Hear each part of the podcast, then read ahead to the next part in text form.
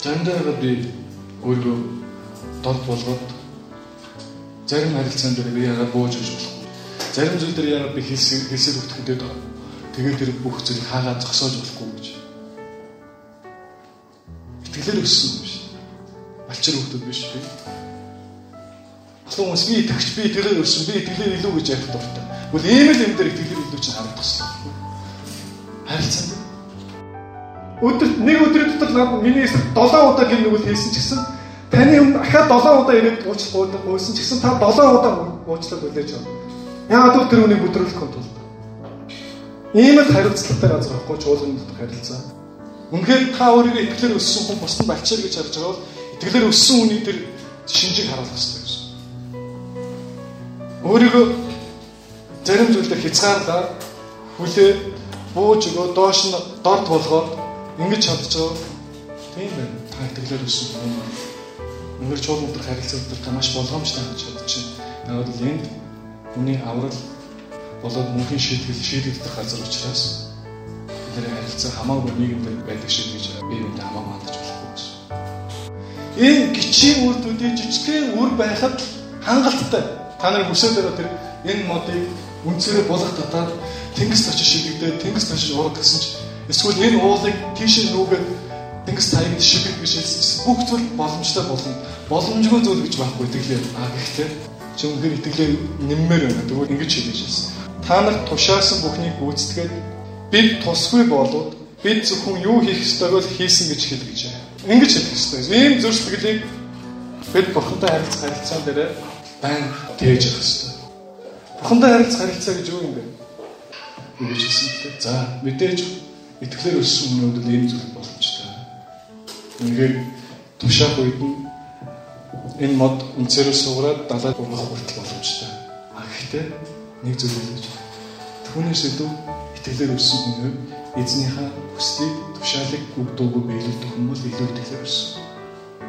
Хийх ёстойгоо хийдэг хүн гомдлгүйгээр ямар нэгэн шагнал гаралгүйгээр бусдаас магтаал сонсно гэж хүлээлгүйгээр нэр төр эрх мэдлийг гойдлохгүйгээр яг боолхон ямар байдаг.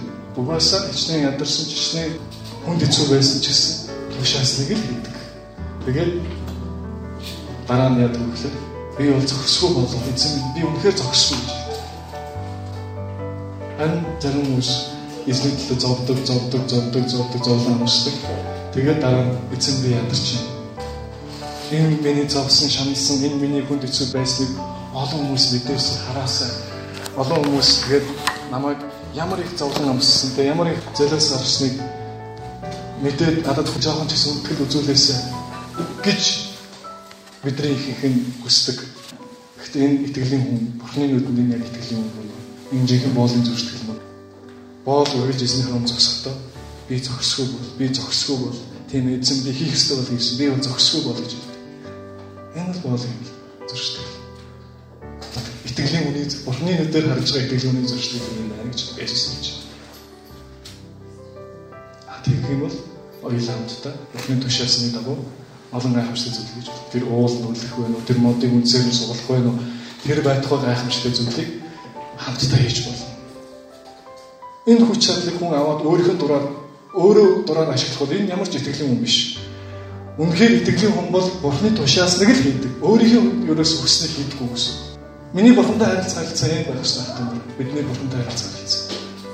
Та үнэхээр итгэлээр өссөн хүн баймаар байвал та бурхны хөвийг хүснэг л бурхны хүснээр л амьдрал. Өөрийнхөө биш. Боолын зөрсдөг. Боол хизээж өөрийнхөө хүснийг хийдэг. Дандаа эзнийхээ хүснийг хийдэг. Дандаа ямар ч тоо. Есүс ч гэсэн дандаа эцгийнхээ хүслийн дагуу амьдарч байсан. Есүс өөрийн хүслийг дагаа. Есүсийн амьдрал эхнээсээ дуус хүртлээр өдөр болгон бурхны хүслийн дагуу амьдарсан.